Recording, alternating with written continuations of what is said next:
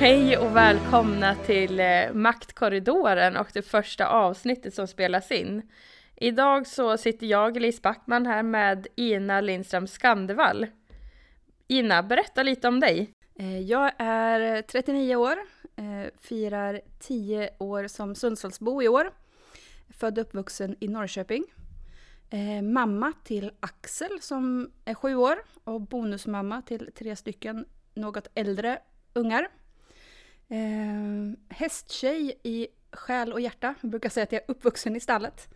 Jag är uppvuxen på landet en bit utanför Norrköping.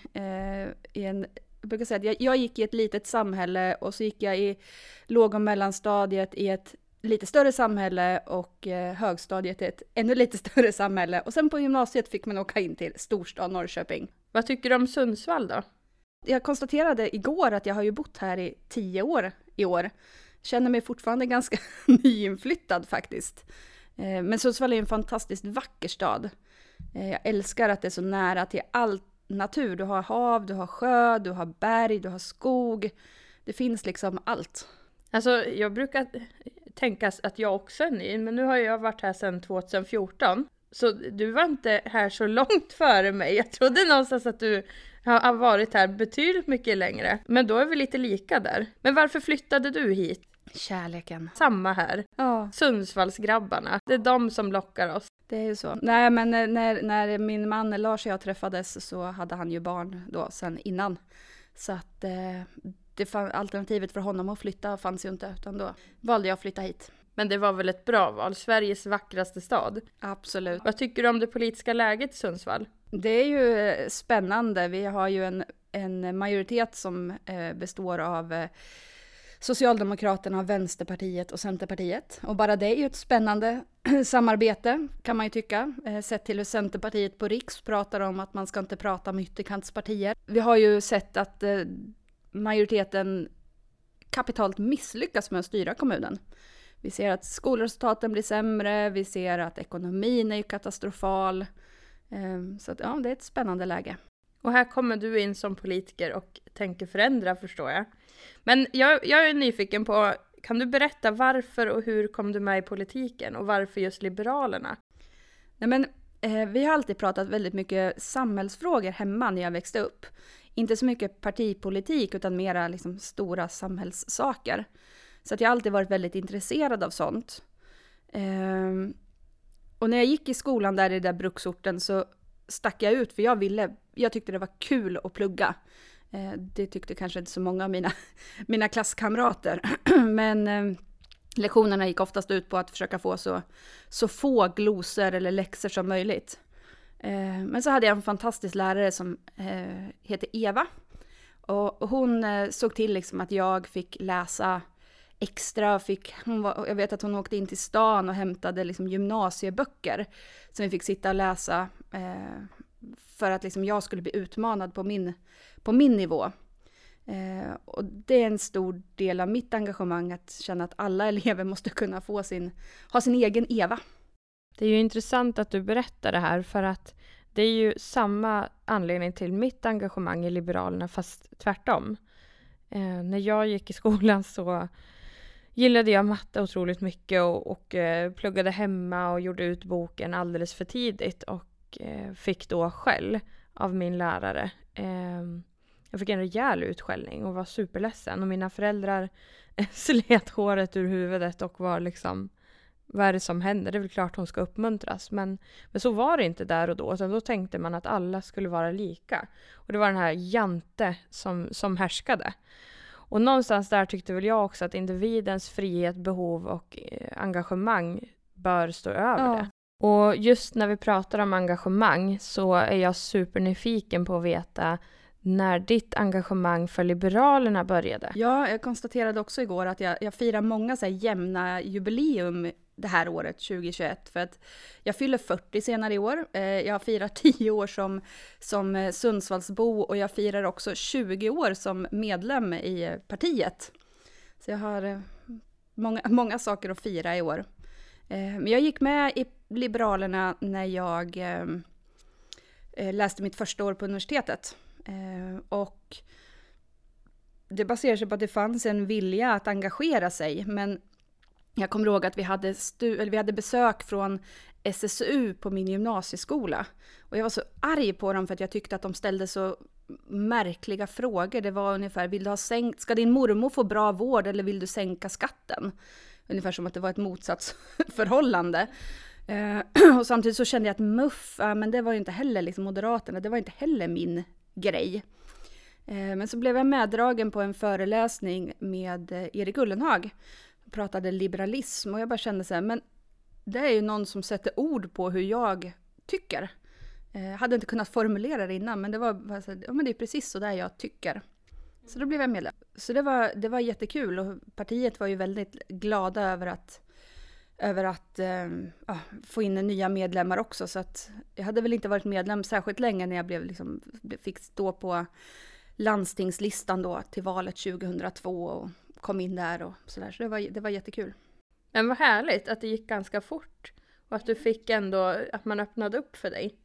Just, just att jag kom in i, i, i landstingsfullmäktige var väl inte helt eh, vad, jag, vad jag hade önskat. För att jag vet att jag fick frågan om jag ville stå på listan och jag sa att ja men eh, sätt mig liksom så långt ner så jag inte kommer in.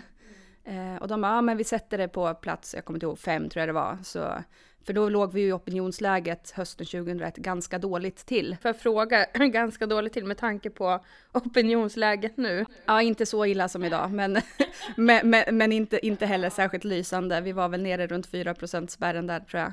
Eh, men så, så jag sa, ja men sätt mig så att jag inte kommer in och bara, nej men okej, vi har två mandat idag, du får stå på plats fem.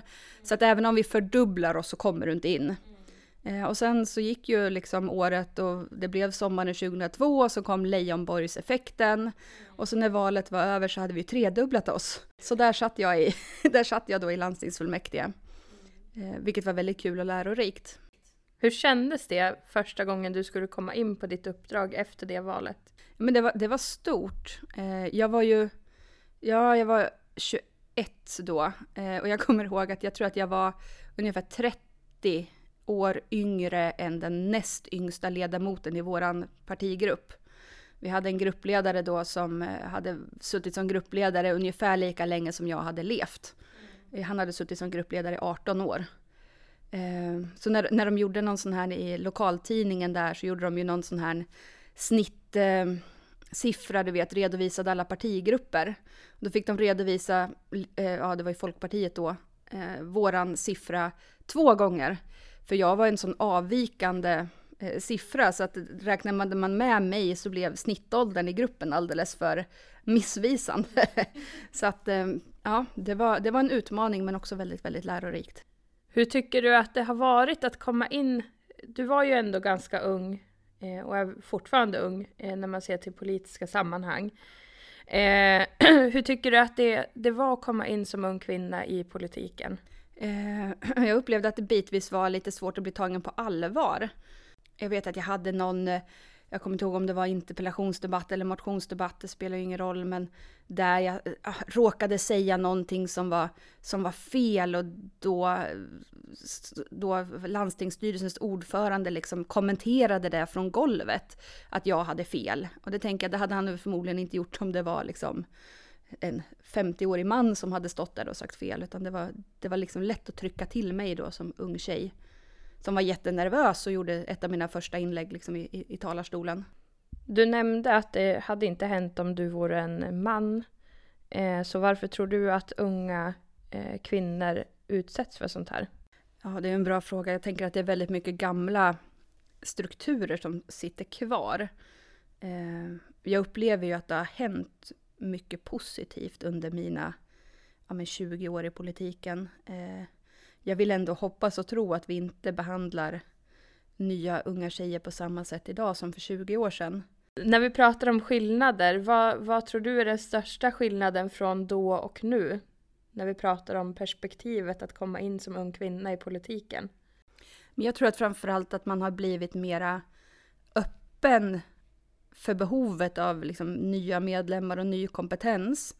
Eh, att man inte längre, ja, nu kan jag inte prata för, för alla partiföreningar och alla partier, men, ja, men här till exempel så det här att det här tänket att man ska koka kaffe liksom i tio år och sen kanske man kan få ett, få ett uppdrag. Det har vi ju inte längre. Eh, utan jag tror att det finns en annan, men en annan nyfikenhet och en annan öppenhet eh, för nya kompetenser och nya, nya behov. Eh, och jag tänker, det ser man ju också på, men på riksnivå, om man tittar på vilka partiledare vi har idag, så är det ju flera yngre tjejer som, som är partiledare. Eh, och det hade man ju inte sett för 20 år sedan. Så jag tänker att en sån sak bidrar ju såklart till att krossa glastaket. Kan du minnas någon gång när du har mött ett glastak eller där du har känt att nej, nu, nu har det varit ett övertramp eller nu har man gått över min gräns? Ja, det finns ju flera, flera tillfällen. Det var ju, jag hade en, en eh, manlig partikamrat som tog med mig ut på kaffe och sa ungefär att ja, men du är ju duktig, men du är inte riktigt lika duktig som mig. Så att eh, fortsätt du att vara liksom ja, lite bakom mig så ska jag se om du kan, om jag kan lära dig att bli lika, lika bra som, som mig. Eh, så här, verkligen klappa på huvudet och lilla flicka-attityd. Eh, men du har ju också tillfällen där, ja men vi har ett tillfälle där vi stod i fullmäktigesalen under ett eh, fullmäktigesammanträde eh, och någon ska passera bakom mig. Eh, och eh, det är gott om plats och sådär, men, men ändå så finns liksom då behovet hos den här betydligt äldre mannen att eh, lägga båda händerna på mina höfter och liksom, du vet så här, tränga sig förbi. Eh, på ett också ett sätt som han såklart aldrig hade gjort om det var en man som stod där. Nej, det är klart. Men hur kände du när det här hände? Alltså den, det första tillfället med det här eh, samtalet över, över eh, kaffekoppen, det gjorde mig så förbannad att jag faktiskt, att jag faktiskt tillfälligt lämnade politiken. Eh, så. Men det andra tillfället, då vet jag att min, min respons var att högt kommentera rör mig inte. För det var ett sånt otroligt, upplevde jag, intrång i min personliga sfär. Jag tänker, var, varför tror du sånt här händer ens? Jag tror att Ja, det är ju ett spännande samhällsfenomen det här att män, om man tar det här med då han som la händerna liksom på, eller som tog på mig på ett sätt som jag inte var bekväm med, så är det ju ett väldigt spännande samhällsfenomen just hur män anser sig ha rätt till kvinnors kroppar. Ehm, det tycker jag är otroligt eh, intressant. Ehm, det är inte bara inom politiken utan det är ju i hela samhället. Men jag tror ju verkligen på vikten av att eh, lyfta varje gång det händer. Att faktiskt inte bita ihop och tänka att, att jag ska vara en duktig flicka och vara tyst. Utan att ja, men lyfta upp det och, och synliggöra det varje gång. Eh, är det något som blev väldigt tydligt tycker jag av metoo-rörelsen så är det ju just hur många tjejer som är utsatta, eller har, har varit utsatta, är fortfarande. Men när vi pratar om utsattheten och inom politiken, tycker du att metoo-rörelsen har nått politikens rum eller hur, hur ser du på den saken? Ja, men det tycker jag ju på ett sätt att det har. Eh, vi har ju ett antal liksom, fall med manliga politiker som har fått sluta för att man beter sig liksom, på ett sätt mot kvinnor som inte är okej. Eh, råkar lägga händer på lår och eh, sådana saker. Men det är klart att det finns också många fall, tänker jag, historiskt där eh, man borde ha satt ner foten och inte gjort det.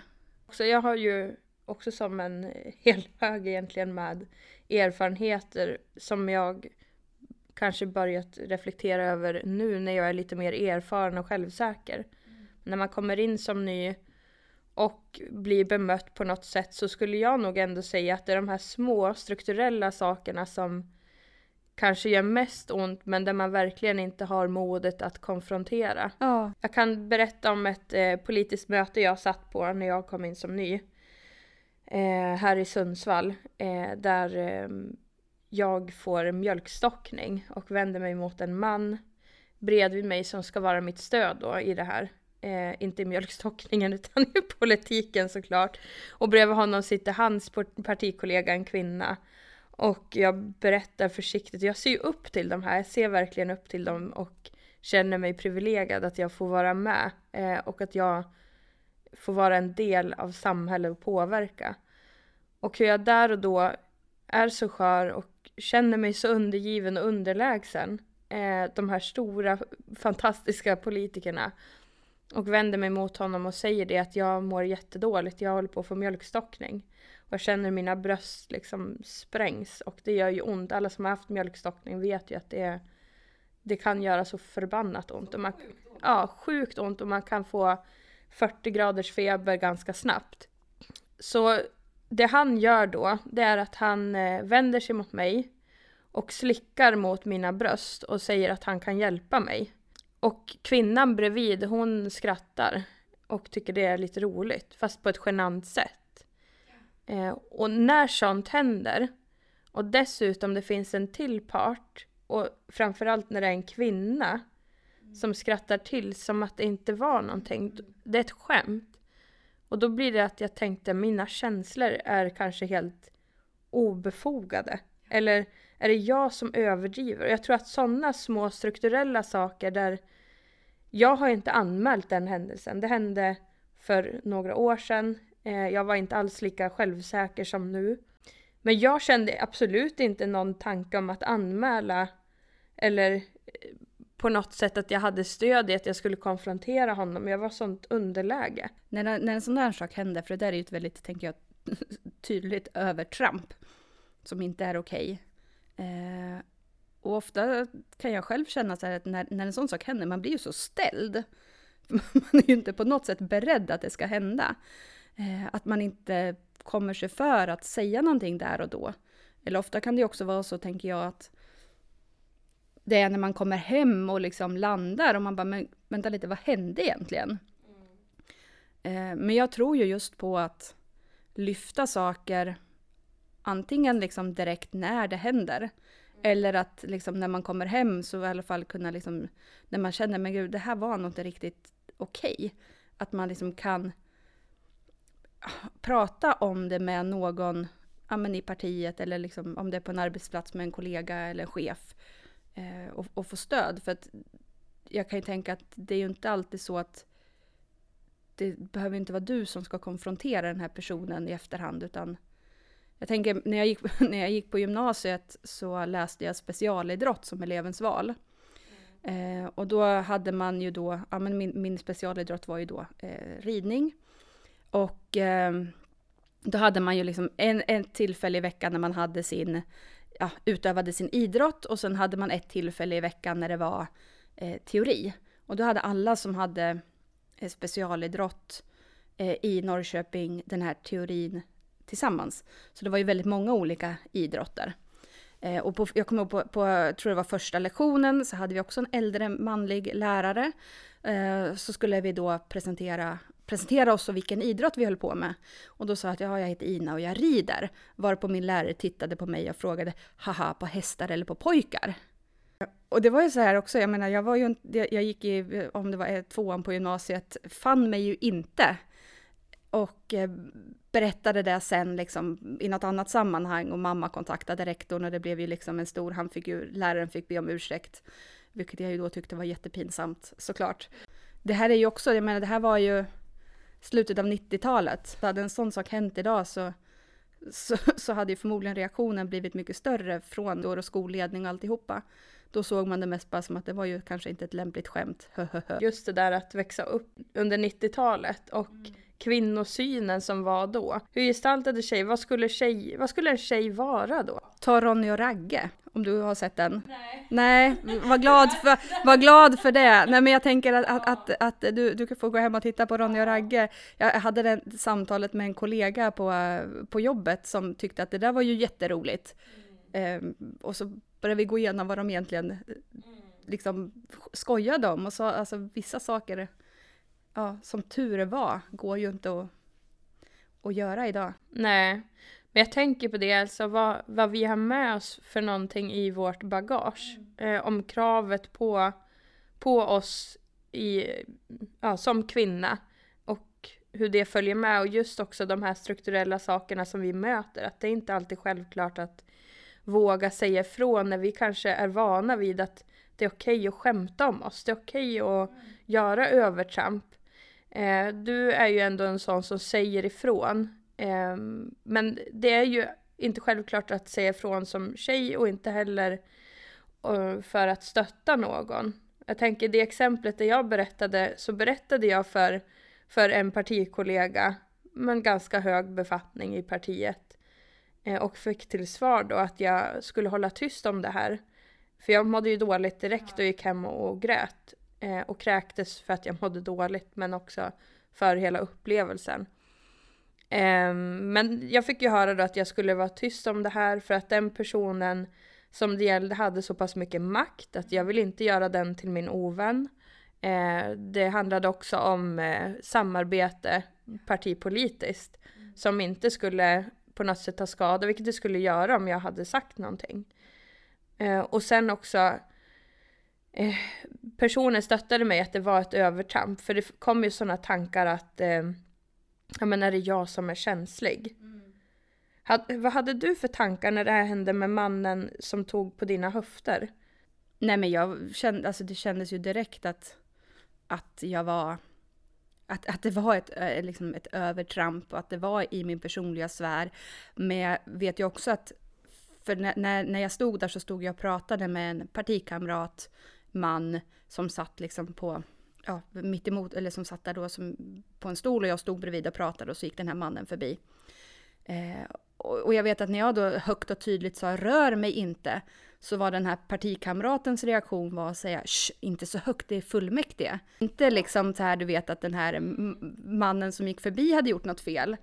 Eh, och det är också en sån här sak som jag kan i efterhand liksom reflektera över att ja men varför var det jag som sa ifrån som fick liksom en reprimand att jag skulle vara tyst? Mm. När det helt tydligt var den här mannen som gick förbi som var den som hade gjort fel.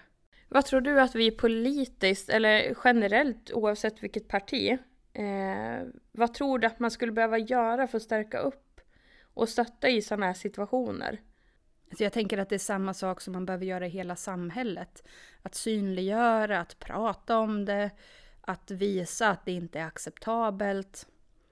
Eh, att våga utmana liksom, strukturer och makt.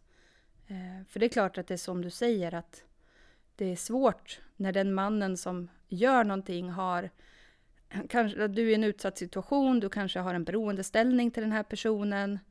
Eh, det krävs ju mycket för att våga och klara av att säga ifrån.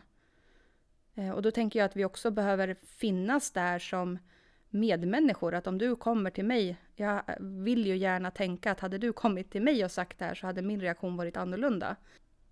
Så det är väl det, det, är väl det jag tänker att vi framförallt behöver göra. Prata om det, synliggöra och stötta. Mm, och det är ju det vi gör idag, bland annat när vi sitter och pratar om sånt här. Men eh, har du någon mer gång som du har varit med om någon sån här händelse som har varit ett direkt övertramp? Nej men absolut, jag var... Ett annat exempel var ju när vi var... När jag, när jag eh, var ute på, på krogen i, eh, i Norrköping. Eh, det här måste ju ha varit strax efter att jag fyllde 18, där någonstans. Eh, så var det en, en kille som hade placerat sig väldigt strategiskt i dörren mellan två rum på den här krogen. Och alla tjejer som gick förbi så stoppade han fram handen och tog dem mellan benen. Och det är också en sån här helt absurd grej. Och jag vet, han gjorde det på mig och jag blev så förbannad så att jag på ren reflex liksom smällde till honom.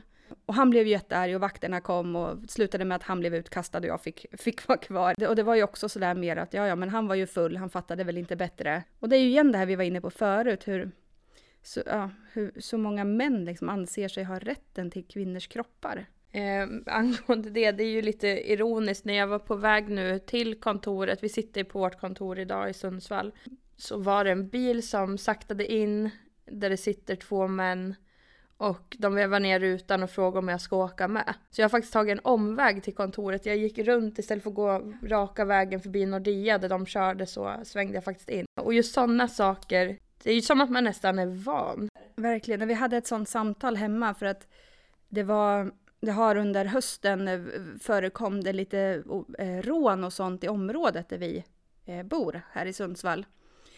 Och min man han sa då så att ja, jag vet inte, man kanske ska börja fundera på om man kan, kan gå ut sent på kvällen.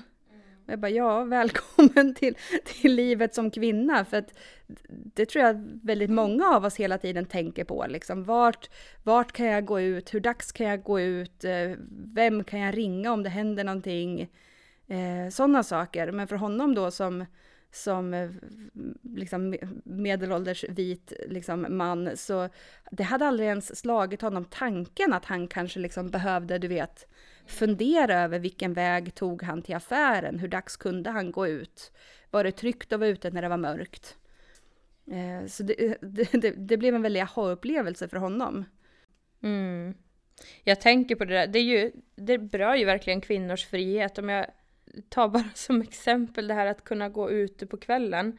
Jag vågar inte gå på stan i Sundsvall på kvällen. Jag och en vän, vi skulle ut på, på krogen tillsammans och vi går längs gatan här i Sundsvall och eh, ser en man som kommer på en cykel eh, förbi oss och cyklar liksom efter oss. Vi ser honom eh, liksom bakom oss.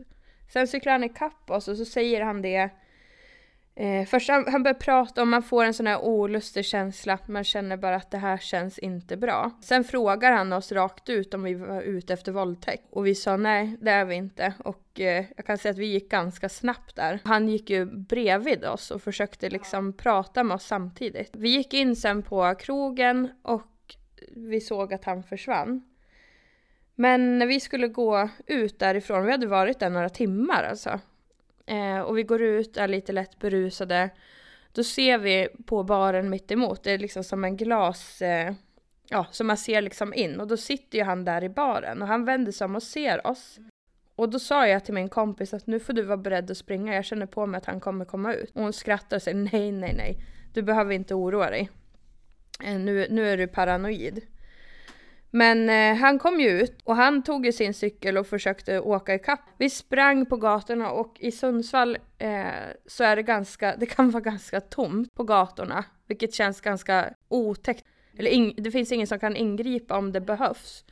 Eh, men till slut så, vi hittade en bil eh, och hoppade rakt in och bara grät och skrek hjälp oss.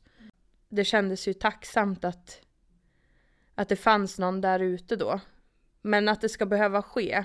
Det, för mig efter, efter det så, jag går inte själv i Sundsvall på kvällen. Inte en chans.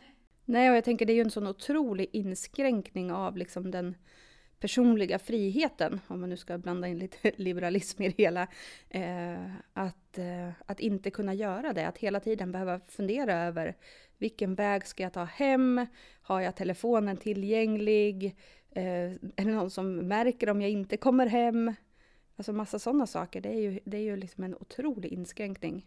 Även om vi har det fritt och ganska jämställt i Sverige så det är ju som du säger, en kvinnas frihet är inte lika stor som en mans. Nej, verkligen inte.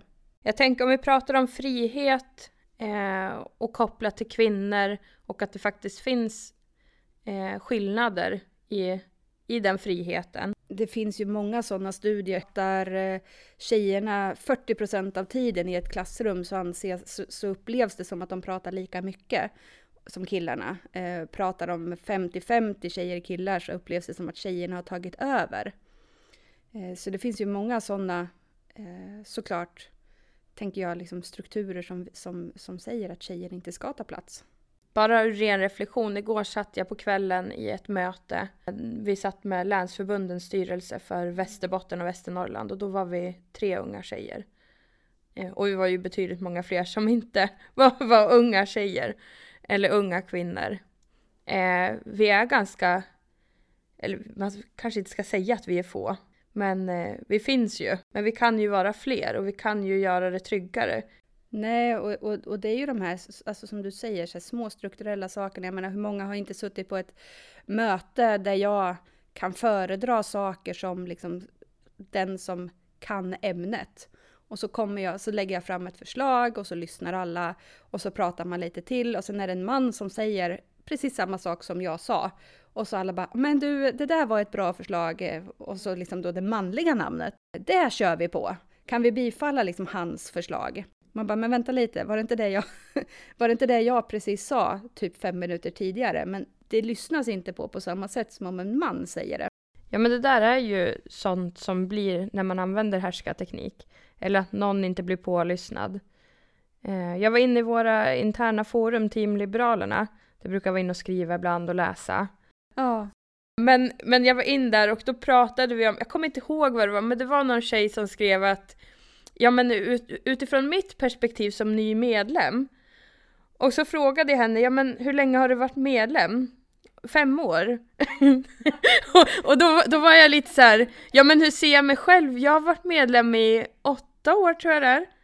Och jag ser mig som ny. Men, men jag tänker, du sa där att du firar 20-årsjubileum som medlem i Liberalerna. När slutade du känna dig ny? Jag har ju varit, jag har ju varit aktiv i, i, jag har ju flyttat liksom, så jag började ju i Östergötland och sen tog jag vägen via Örebro och sen hamnade jag här. Så någonstans där tror jag ändå under min tid i Örebro, jag kan inte riktigt svara på, ja men det var väl där efter en fem, sex år kanske som jag började känna att jag ändå inte var ny längre. Man började få lite, man började lära känna människor, eh, man började få ett nätverk i partiet, man började liksom. Jag kommer ihåg, jag var på mitt första landsmöte som eh, som eh, ombud och skulle gå upp och debattera. Och jag, deba, då, då, debatterade jag, eh, då var jag för statlig skola.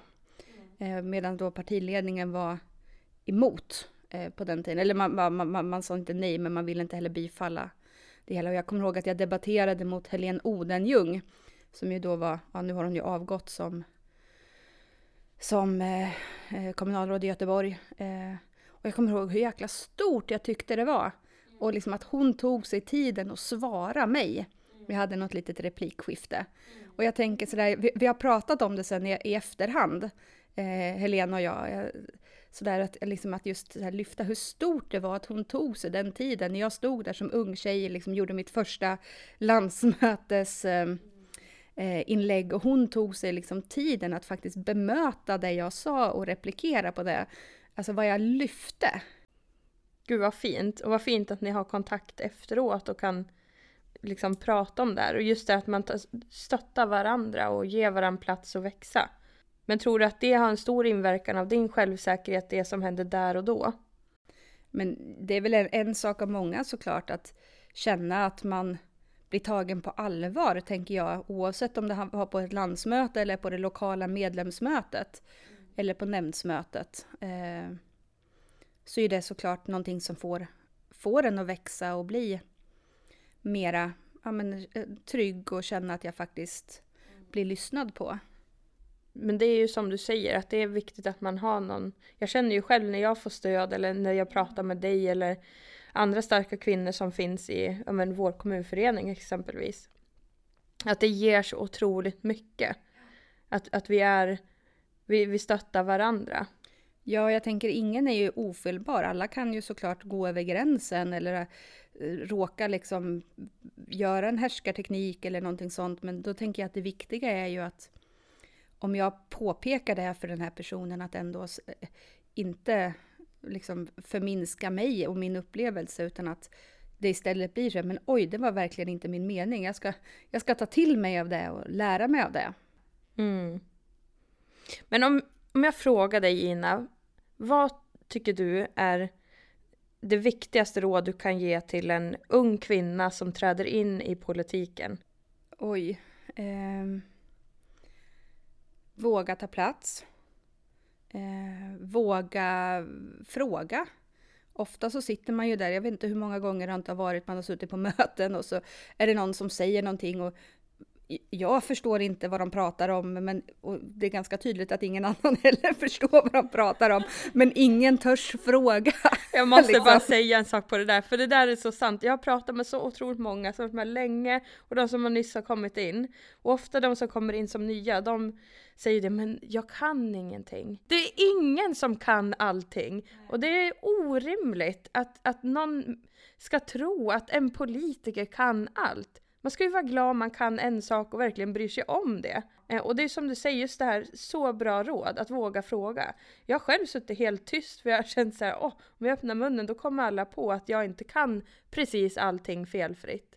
Nej men precis, och, men också att eh, faktiskt eh, tänka att det finns ju väldigt många som har varit med och kan hjälpa till med olika saker. Jag menar, eh, att, att ha en mentor eller så är ju inte heller fel. Eh, det kan ju både vara en man eller en kvinna men eh, ja, att, att man liksom har någon som man faktiskt kan vända sig till och, och bolla med. När du säger så, då känner jag bara så här att nu måste jag säga att är det någon ung kvinna som lyssnar på det här och vill gå med i Liberalerna så kommer jag och Ina kunna erbjuda mentorskap. Jag är på. Men det var rådet till en ung kvinna. Men jag har också skrivit ner en fråga som, som jag vill ställa dig och du vet ju vad det är. Ja. Jag vet inte om du har bestämt dig för vad du vill dela med dig av, men, men frågan är vad, och det behöver inte vara inom politiken, och det är förmodligen inte inom politiken, för det skulle vara märkligt. Men vad är det mest liberala du någonsin har gjort? Oj, det beror ju helt på vad Jag tänker att det beror helt på vad du lägger i frågan. Ja. Um, när jag gick med så var det Folkpartiet, Frisinnat, uh, um, men nej, jag vet inte, men det får väl kanske vara något som hände på någon, på någon fest med ungdomsförbundet där för 20 år sedan. Men det, det får nog vara preskriberat i sådana fall. Men finns det något du kan ge, något liberalt som du har gjort? Något lite, ja men vad ska man säga, vad, vad skulle man kunna säga är liberalt? En liberal handling, vad, vad, är en liberal handling då? Om jag ställer den frågan. Det är ju det som är, frå som är frågan, för jag tänker att så här, bryta mot lagar och regler är ju egentligen inte liberalt för att jag, ja, jag tänker frihet, är, alltså liberalism det är att jag får ju göra vad jag vill så länge jag inte inskränker någon annans frihet. Mm. Um, så att det är ju frågan liksom så här, ja men köra för fort, är det liberalt? Nej. Nej, men alltså jag, jag, skulle fortfarande hävda att det mest liberala man nog kan göra, det är väl att stå upp för andra människors frihet. Um, så, eh, om man får vara lite, lite tråkig då och inte... Ja men eh, har, har du någon situation då där du verkligen, här tog jag ställning och såg upp för den här personen? Nej men det, kan, det har väl hänt flera gånger, men det kan ju vara på möten där man till exempel eh, Ja men det har ju hänt flera gånger, nu kommer jag inte ihåg exakt. Jo men vi satt på en konferens till exempel på med partiet, det är jättelänge sedan, eh, och eh, det pratades otroligt mycket skit om en annan partimedlem som inte var där. Mm. Och då vet jag att då ställde jag mig upp och sa att nu får du ursäkta men det här är våran partikamrat och våran liksom ändå vän. Mm. Eh, och om ni vill fortsätta det här samtalet så går jag. Mm. För att jag tycker inte att det här är okej. Så, så det är väl sånt, det kan väl kanske anses vara liberalt att stå upp för andra människor och deras liksom, mm. känslor och eh, så. Sen vill jag fråga dig också, tycker du att Sundsvalls eh, Liberalerna är Sveriges bästa kommunförening? Jag får, jag får, väl, får väl be om ursäkt då så här efterhand till, till, till eh, Liberalerna i Örebro som ju ändå har en stor plats i mitt hjärta. Ja. Men, eh, men det är klart Sundsvall är bäst. Ja, så är det. Men det vill jag säga tack så jättemycket Ina för att du var med på det här första poddavsnittet. Ja. Det är ju liberalt att göra någonting nytt. Det är så otroligt kul att ha fått vara med. Tack!